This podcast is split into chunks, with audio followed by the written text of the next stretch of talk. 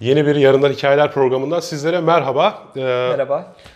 Bu programa başlamadan önce size yeni çıkan kitabımdan bahsetmek istiyorum ama e, şu an bu programı çektiğimiz tarihle elime henüz basılı hali gelmedi. O yüzden size iPad'den kapağını göstereceğim. Uzun süredir beklediğim bir kitap bu. Çeşitli teknik sebeplerden ötürü.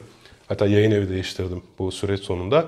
Biraz geç çıktı ama sonunda çıktı. Aklın kırk haramisi safsatalar dedim buna. Çünkü içerisinde günlük hayatta sıkça karşılaştığımız 40 safsatayı madde madde ele aldım. Ee, bunların hem mantıksal formunu ortaya koydum hem hangi zihinsel süreçlerle ilişkili olabileceğini, niye bu safsatalara kapılmaya yatkınız onu anlattım ki bu diğer safsata kitaplarında olmayan bir şey. Bir de savunma stratejileri karşılaşırsak nasıl sorularla bunu çürütebiliriz gibi hepsini hepsi için bir reçete sundum yani. Dedik basılı kitap mı olacak, Kindle versiyonunda çıkacak mı? Yani destek yayın evi e-kitap çıkarmıyor. Hadi o ya. biraz benim dışımda bir süreç maalesef. O yüzden e, basılı olacak. Aylar Artık basılısını kez- alırsınız yani. Aylar sonra ilk kez basılı kitap okuyacağım sayende. İyi yani en azından hatıra kalır. Hatıra, ben sana e-kitap olarak ayrıca gönderirim okumak istiyorsan olur. ciddiyim yani. Ben ona alıştım artık çünkü. Tamam, Basılı peki. kitap okuyamıyorum. Peki. En son kendi bilim kurgu kitabımı biliyorsun şey çıkarmıştım zaten. Metropol'de. Evet yani hatta gönüllü ödeme sistemiyle çıkarmıştım. Ya ben de e-kitabı seviyorum ama yani böyle bir kaynak kitabın basılı olması da güzel duygu açıkçası yani. Kütüphanenin köşesinde Aynen. bulunsun o zaman. Tabii tabii. Hayırlı olsun. Evet geçen hafta nerede kalmıştık? Direkt oraya geçeyim ben. Ee, geçen hafta tam Emre'nin söyleyecekleri Aynen. kursağında kalmıştı. Aynen o yüzden konuyu baştan alıyorum. Ve diyorum ki Emre'ye, Emre yapay zekanın, salt yapay zeka seni tanıyıp öğrendi diye e, kabul ettiğin bir şey var mı? Ve dolayısıyla sence yapay zekanın seni bu anlamda manipüle etme potansiyeli var mı? Ya şunu da söylemiştim işte mühendislik konularında işte beslenme biçimime karar verebilir. Beslenme biçimimi ben de ikna olurum. Ama mesela insan ilişkilerinde şimdi bu hakikaten çetrefilli bir konu. İnsan ilişkileri çünkü bir mutlak bir doğrusu yok. Andana da değişir, insanlar değişir, karşısındaki değişir. Yani benim şu anda sevdiğim bir insanı bir hafta iki hafta sonra sevmeme potansiyelim var. Yani yapay zeka için bu gerçekten kompleks bir problem. Ama yeteri kadar veri varsa bunu da öğrenebilir o zaman. İşte o zaman yani edebilir tabii. Mesela bunda şey çok tartışılıyor şu anda. Gene Black Mirror'e geleceğiz. Onun unutulmaz bir bölümü var. Biliyorsunuz Tinder uygulaması var insanların karşılıklı eşleştiği. Onu tamamen yapay zeka yapsa yani siz oraya özelliklerinizi gireceksiniz. Fiziksel özellikleriniz, hoşlandığınız şeyler, yaşam biçiminiz. Böyle bir database oluşacak ve bu database'de yapay zeka sizi eşleştirecek ve bu eşleşmeye siz artık gönüllü mü olacaksınız, kabul mü edeceksiniz? Bu yani ilginç bir nokta. Yani çöp çatan Ama- yapay zeka olacak. Evet oradaki çöp çatan yapay zeka ama basitçe sizin beyan ettiğiniz özellikler üzerinden bir eşleştirme yapmak yerine tabii bir kendi yarattığı simülatif bir simülasyon bir dünyada Black Mirror Ee, işte sezonda. gerçekten o çiftleri bir araya getiriyordu. Enteresan yani gene spoiler verdik ama yapacak bir şey yok artık. Dördüncü sezonda izlemiş olun yani. Aynen, Bu konularla ilgiliyseniz. Ee, o da güzel bir bölümdü. Hang the DJ. Dördün dördü. Peki şimdi o zaman şöyle bir sorun ortaya çıkmıyor mu? İnsan ilişkileri biraz beklentiye dayalı zaten. Karşı Mesela ben hep şunu örnek veriyorum. İnsanlar astrolojiye niye inanıyor? Mesela boğalarla iyi anlaştığına inanıyor diyelim birisi.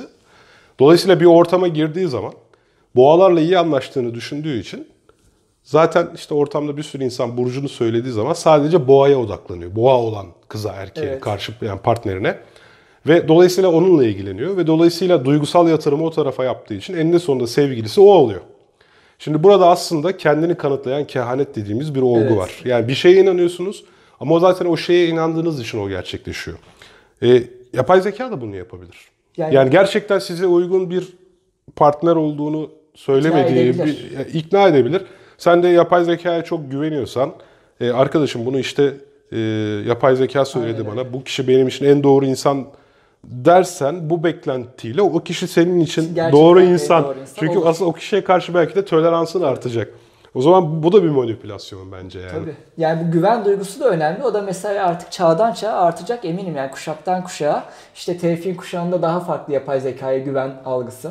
Bende biraz daha belki artıyor. 2000 doğumlularda daha yüksek. 2010, 2020 doğumlular. Yani dediğim gibi 2020 doğumlularda anne babaya denk bir otorite olabilir yapay zeka. Evet. Üçüncü bir ebeveyn olabilir. Çok enteresan. Benim babam e, nakliyecilikle uğraşıyor. Navigasyona güvenmesi bayağı zaman aldı. Evet. Çünkü onun kafasında yılların tecrübesine dayalı pratikler var tamam mı? Şu yol açık olur, bu yoldan gitmek daha mantıklıdır gibi. Ben ilk başlarda babama navigasyona bakarak gelirim dediğim zaman ya bırak navigasyonu bak şuradan geliniyor rahat geliniyor diyordu. İyi de baba sende şu an oranın trafik bilgisi yok. Belki az önce orada kaza oldu falan. Gene de bunlarla ikna edemiyordum. Ama şimdi o da kullanıyor. Fakat ben hemen bunu kullanmaya geçebilmişken O babam bir süre geçemedi. Yeni nesil zaten dünyaya bununla doğacak. geliyor. İçine İçine doğacak. İçine doğacağı için kabul etmesi çok kolay. Şimdi bir anlamda o zaman yapay zekanın insanı manipüle etme becerisiyle beraber aslında yapay zekanın taşıdığı sosyal risklere de gelmiş olduk. Zaten bu programdaki konuşma amacımız oydu. Şimdi öncelikle bu konuda neler söylemek istersin? Tabii bence Şimdi- sen başlasan tabii, daha tabii iyi olur. yani yapay zeka, sosyal riskler dedin. Şimdi yapay zekaya biz ne kadar değer vereceğiz? Yapay zeka mesela şu anda dünyadaki en kompleks iş nedir? Devlet yönetmektir. Değil mi? Yani hem sosyal açıdan hem yani toplumsal, sosyolojik açıdan bundan daha karmaşık bir iş olamaz devlet yönetmek kadar. Valla bana randomla yönetiliyormuşuz gibi geliyor bizim memlekette ama Yani tabii, Türkiye yani çok güzel bir örnek değil maalesef. Çok yani gururla anlatacağımız bir örnek değil bürokrasinin işleyişi açısından. Ama daha ideal ülkelerde mesela yani gerçekten halk demokrasinin, halk katılımının olduğu ülkelerde çok kompleks bir şey yani değişik halk kitlelerini. lafını bölüyorum da Wilhelm mi söylemişti? Sosistlerin ve politikanın nasıl yapıldığını bilmek istemezsiniz Aynen diye. politikanın. Wilhelm Alman İmparatoru. Şimdi yani devlet yönetmek bununla ilgili bayağı bir kafa yorulmuş. Özellikle Max Tegmark'ın bütün seyircilerimize öneriyorum. Life 3.0. Yaşam 3.0 adlı bir kitap var. Türkçe henüz çevrilmedi ama yapay zeka ile ilgili yazılmış en güzel kitaplardan biri. Mutlaka okuyun. O kitapta muhteşem bir çerçeve çiziyor. Yani yapay zeka nasıl yönetebilir toplumu? Belli başlı kalıplara sokmuş bunu. Bir kalıp şey diyor tamamen yani özgürlükçü seçenek. Yapay zekayı biz keyfimizce kullanacağız. Sadece işte istediğimiz zaman ona danışacağız. İstediğimiz sorunları ona çözeceğiz. Bu yani hem insan ilerlemesini hızlı bir noktaya, ileri bir noktaya taşıyacak. Hem de yapay zekayı hiçbir şekilde tehdit olarak istemeyeceğiz. Çünkü kontrol sonuna kadar bizde olacak. Yapay Asistan zeka- sistem yani. Asistan aynen en güzel en muhteşem yani şunu söyleyeyim. Başkan insan, danışmanlar yapay zeka. Bu şekilde özetlenebilir özgürlükçü sistem. Peki. Bir seçenek benim de yani çok kafa yordum en fazla örnek verdiğim Max Tegmark'ın yararcı diktatör. Yani nasıl diyeyim? Hangi kelime daha güzel olur? Yani benevolent diktatör İngilizcesi. Yani senin iyiliğini düşünen. Paternalistik bab- e, şey Newt gibi. Dürtme vardı ya. aynen öyle. Yani insanların bazı zayıflıkları var ama bu zayıflıkları insanların yararına kullanmak meşrudur Yararlı. gibi yani. Yani ne diyeyim faydacı diktatör diyeyim. Yani babacı şey seni seven. Seni koruyucu. Babacan güzel ya, Babacan. babacan. Aynen babacan diktatör. Bunda da şöyle. Yani bunda başkan hakikaten yapay zeka. Bütün yetkiler yapay zekada. Ve yapay zekaya insanın öyle bir güveni var ki onun verdiği karar doğrudur. O yani benim hangi mesleği seçmemi istiyorsa, benim nerede yaşamamı istiyorsa, benim ne kadar uzun yaşamamı istiyorsa doğrudur. Çünkü toplam insan refahı ve benim günlük hayatımın en güzel şekilde sürmesi için yapay zeka bunu en ince ayrıntılarına kadar hesaplamıştır ve bu toplumun en güzel düzenidir. Ben bunu eğer değiştirmeye çalışırsam, bu yapay zekanın çizdiği sınırlardan farklı bir yaşam e, e, yaşamaya çalışırsam, onun verdiği kararları reddedersem bu bana asla mutluluk getirmez. Bu beni de mutsuzluğa sürükler, toplumun düzenini de bozar. Toplum düzeni bozulursa zincirleme olarak yapay zekanın da planı bozulur. O Peki burada ben- merak ettiğim şey o zaman yapay zekanın aldığı kararlara uymamak devlete isyan yani bir suç oluyor Bir değil mi suç burada? olacak. Zaten o zaman sen şu an totaliter devletin tanımını yaptın.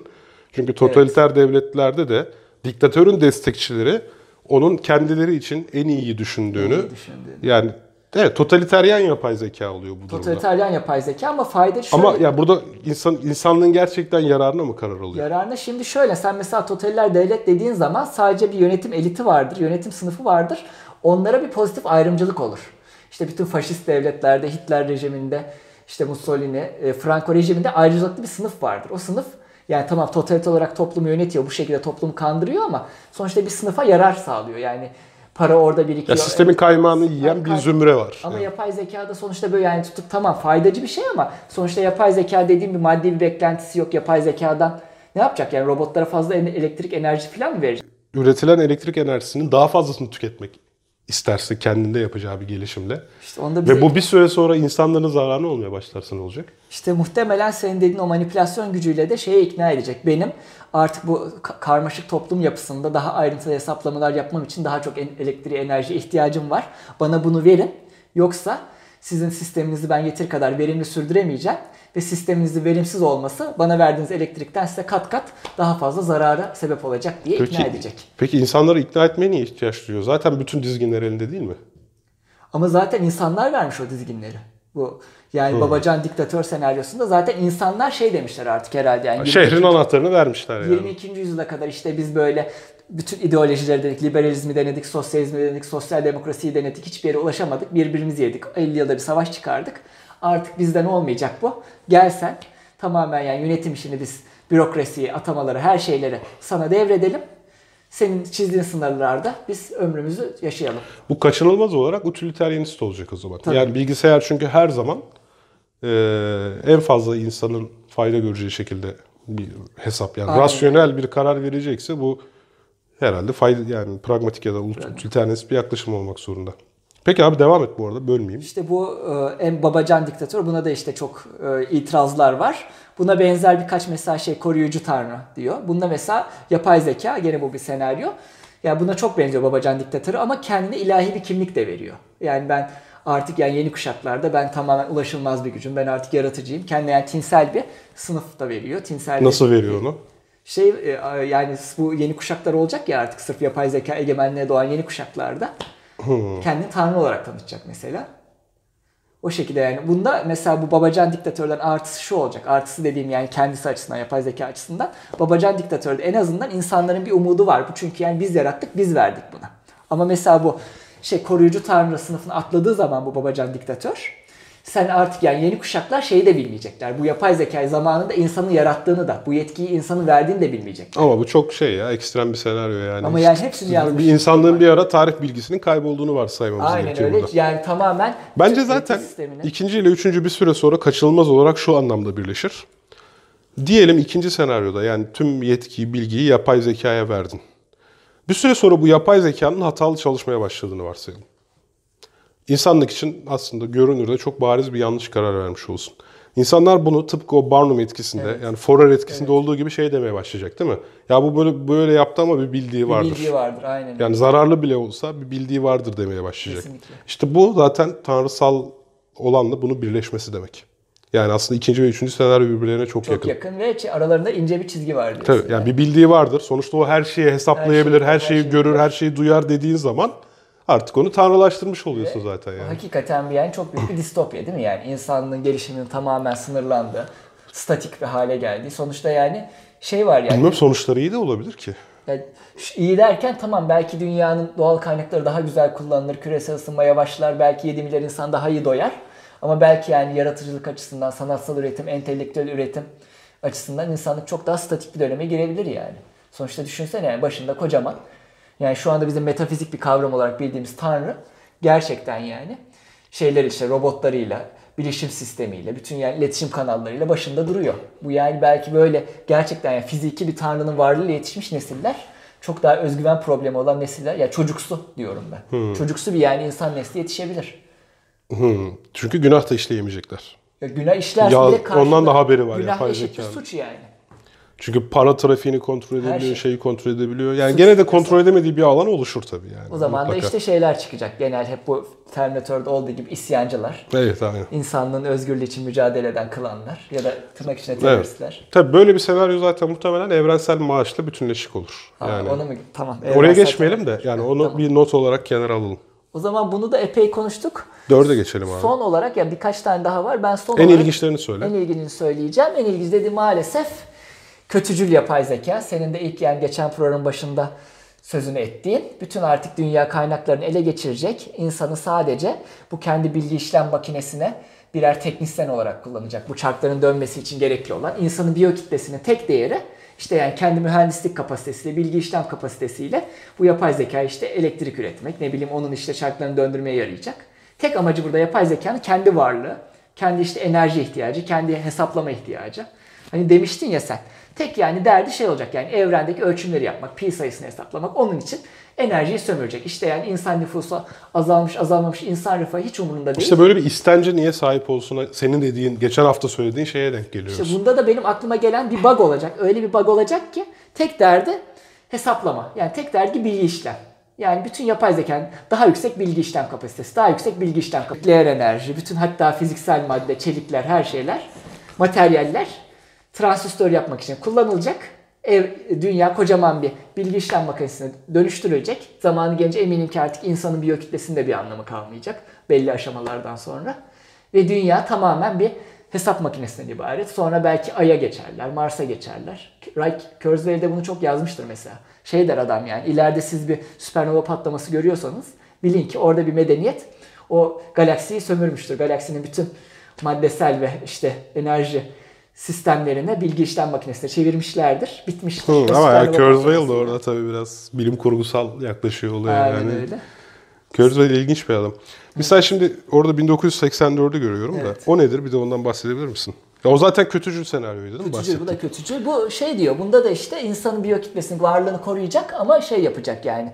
Tamamen 1984'te ne o? Büyük birader seni izliyor. Bütün yani iletişim araçları. Şimdi ben de onu diyecektim. Şu an 1984 kitabını sadece küçük iki kelime ekleyerek yazsan o zaten bu senaryo. Aynen Çünkü öyle. Big Brother diye bir şey göremediğimize Yapay göre aslında zeka. Big Brother yapay zeka olabilir. Kötücül yapay zeka Kötücül. yani. En azından bir siyasi gündemi yok şu anda. Bir merkeziyetçiliği yok. Onun dışında Big Brother'daki bütün yani o kameralar, iletişim olanakları şu anda mevcut. Yani ve tek bir yerde toplanıyor bunlar hakikaten. Evet. Bizim nereden nereye gittiğimiz. Ki nasıl- 1984 çok eski bir teknolojiydi. Şimdi çok daha rahat Anlık yapılabilir internet şeyler. yoktu mesela. İnterneti Evet. düşünemiyordu bile. Video kaydı üzerinden düşünüyordu. Harari de söylüyordu değil mi? O eski diktatörlerin yani bu imkanları olsaydı çok daha fena olurdu diye yani. Doğru. Yani o Sovyet istihbaratının elinde yoktu yani. Bu anlık dinlemeler yoktu. internet wireless. Ama yani efsane olarak anlatılır işte, işte Evet. onlar. Şimdi olsa belki CIA'de de neler neler var yani değil mi? Doğru doğru. Yani aslında o dizilerde de izliyoruz da 90'larda falan da bütün telefonları falan dinleyebiliyorlarmış. Eğer yani o güvenliği. diziler gerçek yaşamdan anlatıldı yani aktarıldı söyleniyor. Eğer doğruysa tabii. Eşelon diye bir şey. Eşelon meşhurdu değil mi bir ara? Onun komple teorileri Aynen falan dönerdi. Evet peki şimdi tüm bunları bir kenara bıraktım. Tabii bunlar da yapay zekanın kontrolü ele geçirdiği bir senaryo üzerinden Evet. konuşuyoruz ama şimdi bu bütünleşik bir durum. Bir de parça parça düşünelim. Gerçekten yapay zekanın işte o çok meşhur soru. Mesleklerimizi Elimizde yavaş yavaş elimizden aldığı bir senaryo var gerçekten. Değil mi? Evet. Yani ve bu oluyor da. olacak. Olacak da yani. Ee, otonom araçlar geldiği zaman şoförlük dediğimiz bir meslek Aynen. kalmayacak yani değil mi? Sırf şoför, kasiyerlik. Bunları çok hızlı görüyoruz. Ya da kasiyerlik, o jet kasalar falan çok hızlı görüyoruz. Bu sadece yapay zeka demeyelim. Otomasyon da Otomasyon. diyelim bunu. Hayat, sanayi devriminden bu yana otomasyon zaten yavaş yavaş işleri alıyor. Ama yeni yaratılan iş alanları bir şekilde bunları telafi ediyordu. Aynen öyle. Ama zannedersem şu an o Harari'nin 21. yüzyılda 21 ders Kitabında kitabında da olarak net olarak söylediği üzere bu yeni iş yaratma hızı artık Çok eski işin yerini alma hızıyla sanki paralel değil gibi. Çok Oradan sıkıntılı. istiyorsan sen Tabii, başla tabii. bir şeyler. Onda daha yeni bir kitapta okumuştum. Jan Bremer'in siyasal bilimci küreselleşmeyi anlattığı kitapta özellikle şunun üzerinde duruyor. Ya tabii toplumsal yapı inanılmaz bir tehdit bu. Ee, şey olayı sanayileşme artık dördüncü sanayi devrimi, beşinci sanayi devrimi. Gerçekten de yani otomasyon yüzlerce kol gücüne bedel. Yani artık bir kol gücüyle iş yapan işçinin hiçbir maalesef vasfı gelecekte yok. Çünkü Evet. yani kas gücü nedir ki yani bir insanın kas gücü. Ki bu ağır sanayi evet, içinde aynen yani. öyle. Kol gücü eyvallah. Bir de zihin gücü var şimdi. Zihin gücü Yani o biraz daha özellikle Çin, Hindistan, Afrika ülkelerinde böyle bir sanayi devrimi olduktan sonra hiçbir değeri kalmayacak diyor oradaki yani niteliksiz iş gücü yığınlarını anca böyle tarımla geçinmeye çalışan insanların bir şekilde şu yorumu yapıyor. Sanayileşmiş ülkeler işte Japonya, Avrupa, Amerika yeni iş kolları işte hizmetler sektörünü biraz daha böyle insan etkileşimine bağımlı hale getirerek toplumsal gelişme en azından yavaş yavaş sindire sindire sağlayacak Evet. ama az gelişmiş ülkelerde çünkü yani düşün yani Nijerya'nın nüfusu 200 milyon. Nijerya'da 100 milyon vasıfsız işçi var. Ve Nijerya'da şu anda yani çarkların dönmesi için 100 milyon vasıfsız işçinin kol gücüyle iş yapması gerekiyor. Belki 20 yıl sonra Nijerya'da sadece 1 milyon teknisyen, mühendis otomasyonla o yani Nijerya nüfusuna yetecek işi yapacak. O zaman ne yapacak yani Nijerya'daki 100 milyon insan? 199 milyon ne yapacak? Bu çok büyük bir problem. Bunun tek artısı evrensel temel gelir. Hep bunu yani Elon Musk da dile getiriyordu. Finlandiya'da kısmen denendi. Şimdi sonuçta şöyle bir olay var ekonomik kuramı gereğince. Yani üretim maliyetleri düşerse işçilere verecek yani maaşlar falan yani sonuçta iş gücü azalacak. O yüzden yani üretim maliyetleri düşecek. O zaman bir sermayede artı birikim olacak. Ben bu artı birikime hem yani bir argeye harcarım hem yani bir endüstrinin devamı için harcarım hem de topluma sürekli olarak bir gelir olarak dağıtırım. Bu mümkün. Mesela yani Norveç bunu yapabilir. Yani 1 trilyon dolarlık varlık fonu var. İstediği kadar yani 100 yıl yetecek maaş verebilir Norveç. Ama yani mesela Finlandiya'da denediler. 6 ay boyunca şartsız koşulsuz işsizlik şeyine yani başvurmayan dahi herkese temel bir gelir. Yani geçinecek 2 Peki bu milyon. enflasyonu zıplatmadı mı? Yok enfla yani verilen kişi sayısı oldukça kısıtlı olduğu için yani. Hı, Çok tamam. onunla ilgili olmadı. Tam tersine şöyle e, Finlandiya'da eleştiri oldu. Hayat kalitelerini arttırmadı. Onları daha mutlu etmedi.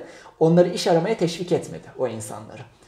Yani şey çok büyük bir sorun yani. Ben bir şekilde onu da düşünüyorum yani. Sonuçta kıtlık olmaz. Neden yani hakikaten biz endüstri devrimi tamamlarsak tarım da endüstrileşecek. İşte hidroponik tarımlar olsun, bu dikey tarımlar, çatı tarımları yani inanılmaz teknolojilerle 7 milyar doyar bir şekilde. Ondan çok fazla kaygım yok. Yani bugün doyuyorsa 20 yıl sonra da doyar 7 milyar.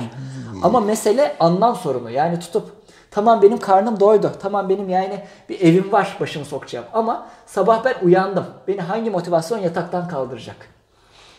Evet. yani büyük bir ya sorun. insanlar oyun manyağı olacak. Yani sanal sanal dünyalarda bu meydan okumalar ve problemlerle karşılaşıp onu Aynen. çözmeler gibi ki galiba böyle çözülebilir. Böyle bir E, Bir yerden evrensel temel gelir de geliyorsa, maaş da geliyorsa oturursun Second Life gibi bir Second ortamda Life oyun. kendine bir karakter yaratırsın. Ya öyle çözülebilir ya da kaçınılmaz olarak savaşlar ve kargaşalar çıkacak. Savaş kargaşa noktasında ama kıtlık olmazsa neden çıksın savaş kargaşa? Yani bana Sıkıntıdan abi. can sıkıntısından savaş kargaşa. Ben bunun olabileceğine şu anlamda inanıyorum. Ee, 1984'te de aslında güzeldi. Yani bir nokta gelip ürettiğini tüketmen gerekir. Ve savaşlar da bu yüzden olur diyor Şimdi şey vardı. yok elinde. Somut bir şey, üretimin yok şu anda. Ya- Şey, sistem. İnsan faktörü var iş- işin içerisinde. Şimdi devletler yani şu var. Tarihin hiçbir döneminde gerçek bir savaşa ihtiyaç olmamıştır zaten. Çünkü Savaş doğal olarak yani kabile savaşlarını saymıyorum. Hani küçük bir adada iki tane kabile ve gerçekten gıda kaynakları çok kısıtlı olduğu için birbirleriyle savaşa girebilirler. Çünkü orası izole bir ortamdır. Ama dünyanın büyüklüğünü düşündüğün zaman yani genelde insanların hırslarının hırslar anladım. e, politik ajandalarının bir sonucu olarak zaten ortaya çıkıyor. Şimdi benim burada anlam sorunu dediğin işte tam olarak niye savaş çıkacağına karşılık geliyor bende. İşsiz ve anlam bulamayan yığınları çok kısa bir sürede etnik ya da dini ya da Aynen. herhangi bir şeyle kümeleyip bir başkasına düşmanlıkla anlam kazandırabilirsin. Evet. Savaş bir anda milyonlara anlam verir yani. Aynen. Bir anda o yüzden çok büyük çılgınlıklar ortaya çıkar. Hitler döneminde olduğu gibi. Yani Bertrand Russell da öyle söylüyor. Bir tane adam şurada delilik yapsa delidir der geçersin tımarhaneyi kapatırsın. Ama bir milletin tamamı delilik yaptığında onun sonu kaçınılmaz olarak savaştır der. Çünkü İkinci Dünya Savaşı'ndaki Almanya. gibi. Ya herhangi bir zamanda yani dikkat edersen şeyler çok hızlı çıkıyor. İnsanlar o Türkiye'nin de geçmişinde Maraş katliamından Maalesef. tut 6-7 Eylül olaylarına bunlar bir anda patlak Cinnet veren şeyler. yayılıyor. Cinnet çok hızlı yayılıyor. Evet. Anlaşılmış.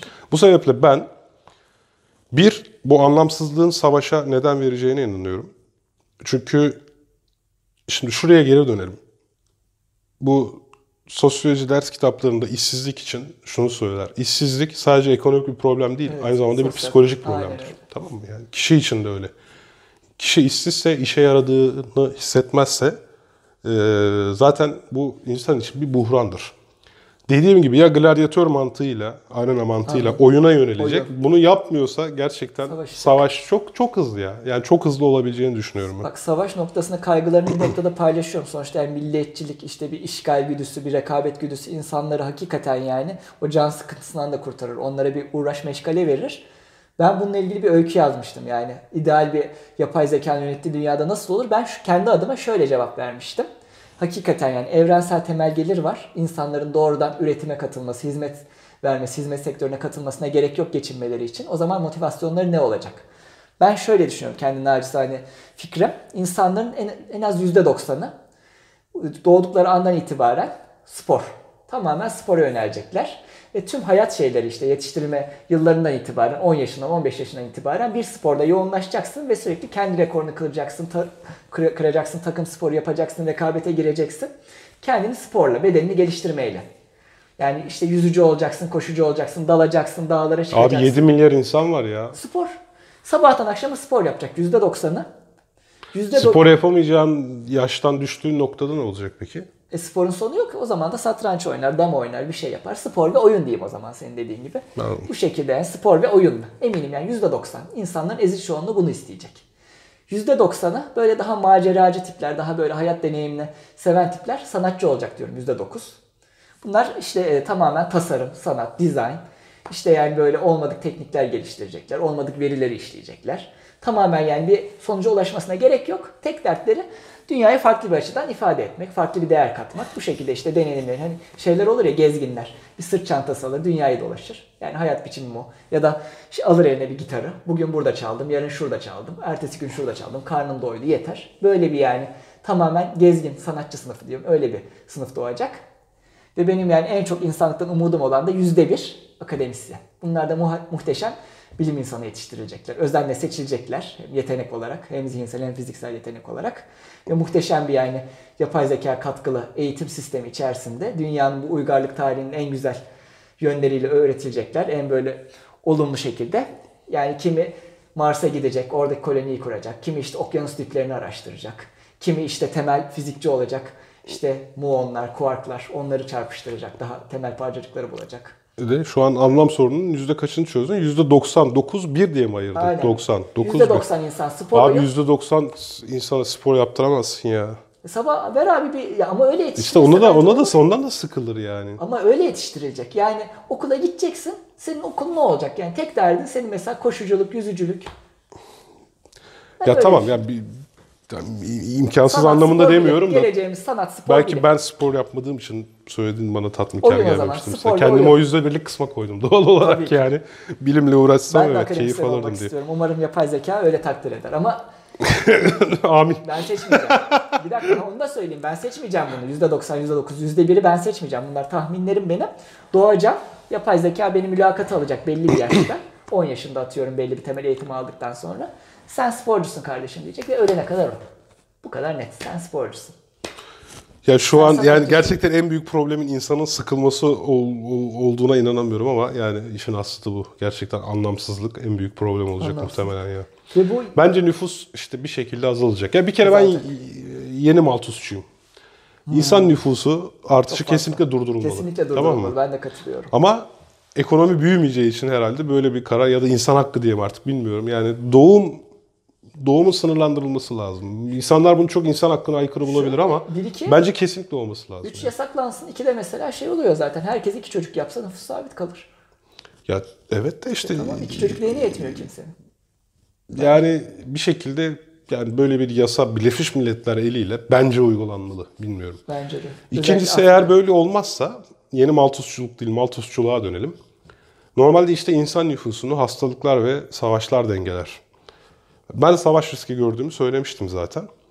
Ama e, evrensel temel gelir insanlara versem bile başka çıkar alan, çatışması Kesinlikle. alanları kesinlikle çıkacağı için insanlar kitlesel olarak birbirlerini öldürmeye yüksek olasılık. Ya, ya şimdi geçim derdi olmayan adam oturur tamam nanoteknolojik silah geliştirir ya. Yani ben sana söyleyeyim. Ya çok kötümsersin ama bence yani ben.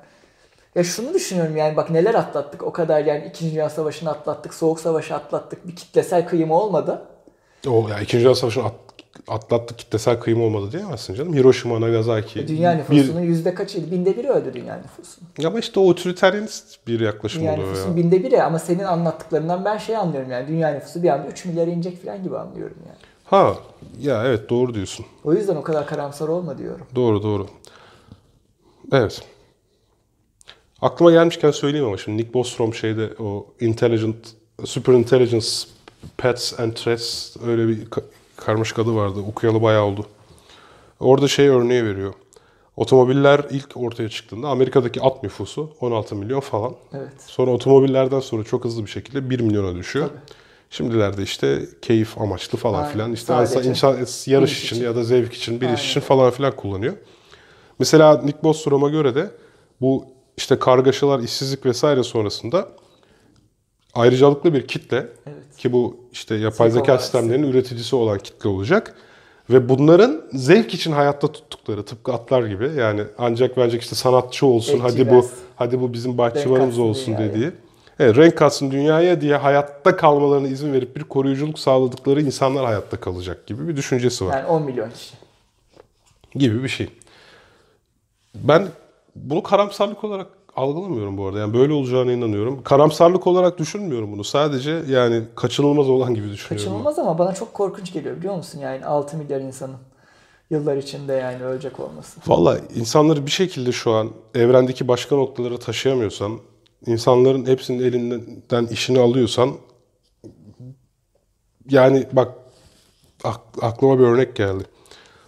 Rama ile buluşmanın ikinci kitabının adı neydi? Mi? İkincisi neydi? Asteroid falan vardı herhalde. İlki Rama'ydı, ikincisi Rama ile yeniden buluşma. Orada dünyanın o iki Rama buluşması arasında bir ara sadece ekonomisinin çökmesi dolayısıyla insanlığın nasıl çöktüğünü anlatıyordu. Bak biz şimdi varoluşsal riskleri konuşacağız haftaya. Evet. Pek çok teknolojik riskten bahsediyoruz ama ekonominin bir anda çökmesi çok önemli bir risk. Yani bırak tüm dış faktörleri, yapay zekayı, nanoteknoloji, nükleer felaketi falan. Başlı başına ekonominin kendi içinde art arda resesyona girmesi yani tüm dünya ülkelerinde ekonominin işte dünyadaki bazı doğal felaketler sebebiyle küçülmeye başlaması bile zincirleme olarak işte o zaman ortada paylaşılamayan Aynen kaynak problemi ortaya çıkacak çünkü kıtlık problemi O, ortaya o çıkacak. gerçek savaş. O zaman yani temel geliri de sağlayamayacağız. O dediğin yani tam bir Evet. savaş. Onda da maalesef işte kitle imha silahlar. İşte geçen haftalarda Pakistan, Hindistan ikisi de yani ne kadar fakir ülkeler. İkisine de yani temel gelir yerlerde ama 200'er tane atom bombaları var. Evet. Ve neyse yani bugünlerde duruldu ama yani geçen hafta epey sıkıntılıydı durum yani. Olabilir manyağın birisinin ciddi bir Aynen. kararı almasına bakıyor her şey Yani, yani. bir liderin sonuçta iki ağzının arasında yani o bombanın patlaması. Belki ha, şu anki o devlet temelli sistem zaten değişmedikçe her zaman bu riskler var olacak gibi geliyor bana. Ama ben de tam tersine devlet yani insanın kötücüllüğünün bence en güzel zapturapt altına alınmış hali yani. Devletten daha iyi bir çözüm olamaz. Devletsizlik.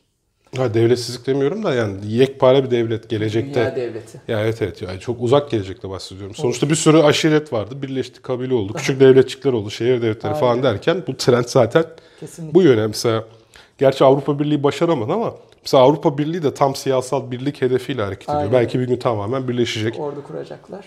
Ya biraz da sistem teorisine uygun zaten. Hani böyle olacak da ben şeye inanıyorum biliyorsun. Bir uzaylı istilası olmadıkça İnsanlık dünya devleti falan olmaz. Yani Bak şu geliyor benim aklıma şimdi birleşme deyince geldi. Mesela yapay zekanın dili İngilizce. Buna kimsenin yani tereddütü yok. Ve insanlar artık herkes İngilizce öğrenecek. Gerek var mı? Yapay zeka değil mi? Her dili konuşur. Yok ama yani arayüzler İngilizce bizim ilk girdilerimiz çıktılarımız. Herkes ona göre Ve gösterir. abi. bence yani gelecekte bütün insanlığın dili İngilizce o. Veya İngilizce ile böyle ne bileyim Esperanto karışımı. Ne bileyim biraz da İngilizce. Yani %90 İngilizce, %5 Çince. Ya çok %2 uzak İspanyolca. gelecekten bahsediyorsak gelecekteki İngilizce zaten bugünkü İngilizce olmayacak. Ama Tüm yani- insanların ortak böyle bir kültürün ürünü olacak. garip bir dil olacak muhtemelen yani. şekilde. Evet. O zaman varsa risklerde devam edelim. Epey konuya Evet girelim. madem konuya girdik önümüzdeki haftadan itibaren e, insanlık nasıl yok olur? Varoluşsal riskler dediğimiz Nick Bostrom'un e, sınıflandırmasını konuşacağız. Genel bir giriş yapacağız. Sonra da her hafta bizim sonumuzu getirebilecek bir 3-4 konuya her değineceğiz. hafta değil, 3-4 hafta yeter. Yok her hafta dedim ya her, her bir hafta bunu konuşup bitireceğiz o anlamda. Yoksa yani yarından hikayeler olmazdı zaten Aynen. programın adı. Nasıl oldu. öleceğiz falan gibi bir şey olurdu. Evet hepiniz hoşça kalın. Görüşmek dileğiyle haftaya. Hoşçakalın.